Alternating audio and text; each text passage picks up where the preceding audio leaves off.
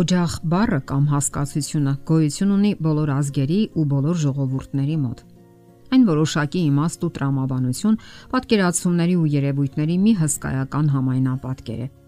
Եվ դա ոչ միայն իմաստասիրական ու բարոյական հասկացություն է, այլև բանաստեղծական ու գեղեցիկ է հնչում։ Ընտանեկան օջախ։ Տարբեր սահմանումներ կան ընտանիքի վերաբերյալ։ Բանաստեղծ եւ սոցիոլոգ Հելեն Հանդ Ջեքսոնը գրում է. Կինը, որ ստեղծում եւ սատարում է տունը, ում зерքերում երեխաները վերածվում են ուժեղ եւ անթերի տղամարդկանց ու կանանց, համարյա արարիչ է, ով զիջում է միայն Աստծուն։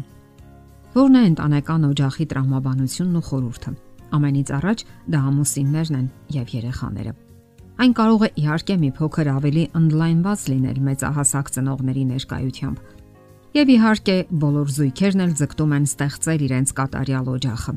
որ զույգը չի երազում ունենալ գեղեցիկ, հարմարավետ ու ճաշակով կահավորված մի տուն, որը նրանց երազանքների գագաթնակետն է։ Եվ այդ տանը պետք է ապրեն իրենց նույնքան գեղեցիկ երեխաները, խնամված ու հարդարված, կոկիկ ու դաստիարակված։ Նրանք չեն բարկացնելու ծնողներին, ժամանակին սովորելու են դասերը, ժամանակին տուն են գալու դրսից, վատ բառեր չեն օգտագործելու եւ ժամանակին էլ, ասես հրահանգով, շարժվելու են դեպի իրենց մահճակալները քնելու։ Նույնպիսի երազանքներ կարելի է ունենալ ամուսինների մասին։ Ամուսինը ժամանակին տուն է գալիս աշխատանքից, կանոնավոր տուն է բերում աշխատավարձը։ Հասկանալի է, որ նա ված սովորություններ չունի։ Չի խմում, չի ծխում, չի հայհոյում, չի բարկանում, չի գորգոռում կամ էլ բացասական մթնոլորտ ստեղծում տանը եւ ի հավելումն այդ բոլորի նա սիրառատ է ու ջերմ։ Հասկանալի է, որ այդպիսի տանը միայն գեղեցիկ ու քնքուշ կինն է պակասում որ նա ամեն ինչ իդեալական կերպով է կազմակերպում։ Երեխաները հարդարված են, կոկ, կուշտ, մաքուր, տունը փայլում է մաքրությունից, ճաշն ու ընթրիքը մատուցվում են նշանակված ժամանակին։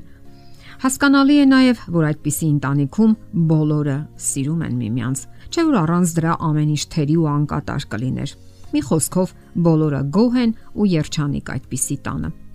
Այս ամենը, ինչպես տեսնում եք, նման է հեքիաթի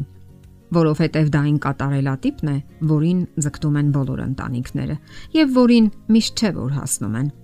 Այստեղ տրամաբանական հարց է առաջանում։ Իսկ ինչպես է ձեռք բերվում այդ ողջ ռոմանտիկան եւ ընտանեկան գեղեցիկ օջախը։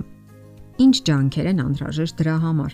Պարզ է, որ այն հարկավոր է նվաճել համատեղ ջանքերով Կարևոր է ամուսինների նվիրվածությունը սեփական ընտանիքին, որտեղ յուրաքանչյուրն ունի իր դերակատարումը։ Այսպես, ընտանեկան օջախի կայունացման ու կազմակերպման մեջ շատ է կարևորվում կնոջ դերը, նրա կազմակերպվածությունը։ Անվանենք այդպիսի կնոջը իդեալական կին։ Իսկ կա արդյոք այդպիսի կին։ Հնագոյություն ունի միայն մեր երևակայության մեջ։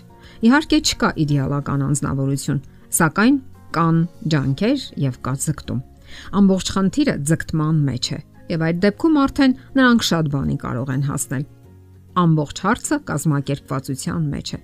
Ինչպես յուրաքանչյուր տուն ունի իր առանձնահատուկ հիմնախնդիրները, այնպես էլ չկան բացարձակ պատասխաններ նույն հիմնախնդրին։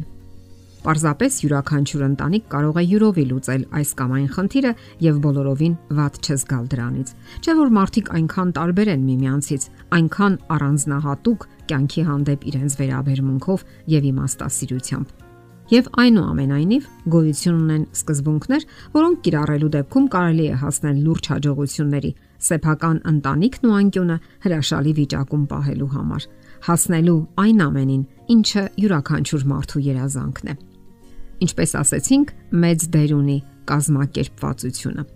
Կյանքը կազմակերպված առաջ տանելու դեպքում շատ բան կփոխվի, թե ընտանիքում, թե զույգերի բնավորության մեջ, նաև ամուսնու ու երեխաների մեջ։ Պարզապես հարկավոր է սովորելու ցանկություն ունենալ եւ կեղծ արժանապատվություն կամ ինքնասիրություն չխաղալ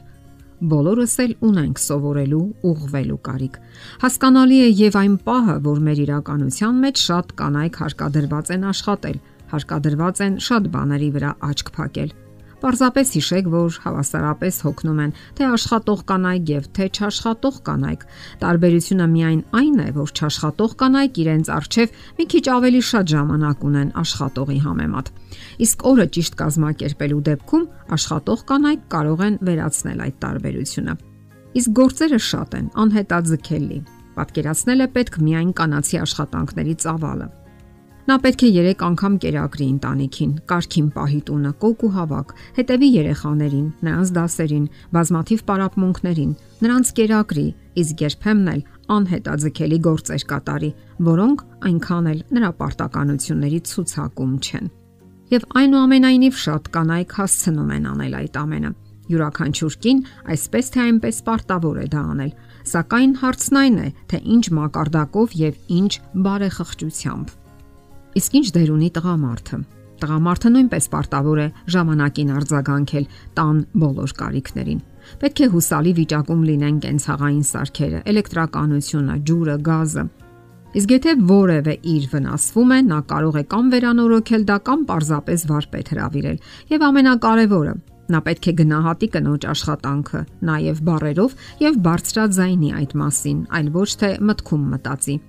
Կինը դրանից մեծապես կողքեշնչվի եւ թևեր կառնի, որովհետեւ այդպիսին է կնոջ բնույթը՝ սիրող եւ շնորհակալ։ Ուրեմն կազմակերպեք ձեր ընտանեկան օջախը առավելագույն իմաստությամբ եւ նվիրվածությամբ։ Այն կարող է եւ պետք է երջանկություն ապարգևի ձեզ։ Եթերում ընտանիք հաղորդաշարներ։ Ձեզ հետ է Գեղեցիկ Մարտիրոսյանը։ Հարցերի եւ առաջարկությունների համար զանգահարել 033 87 87 87 հեռախոսահամարով։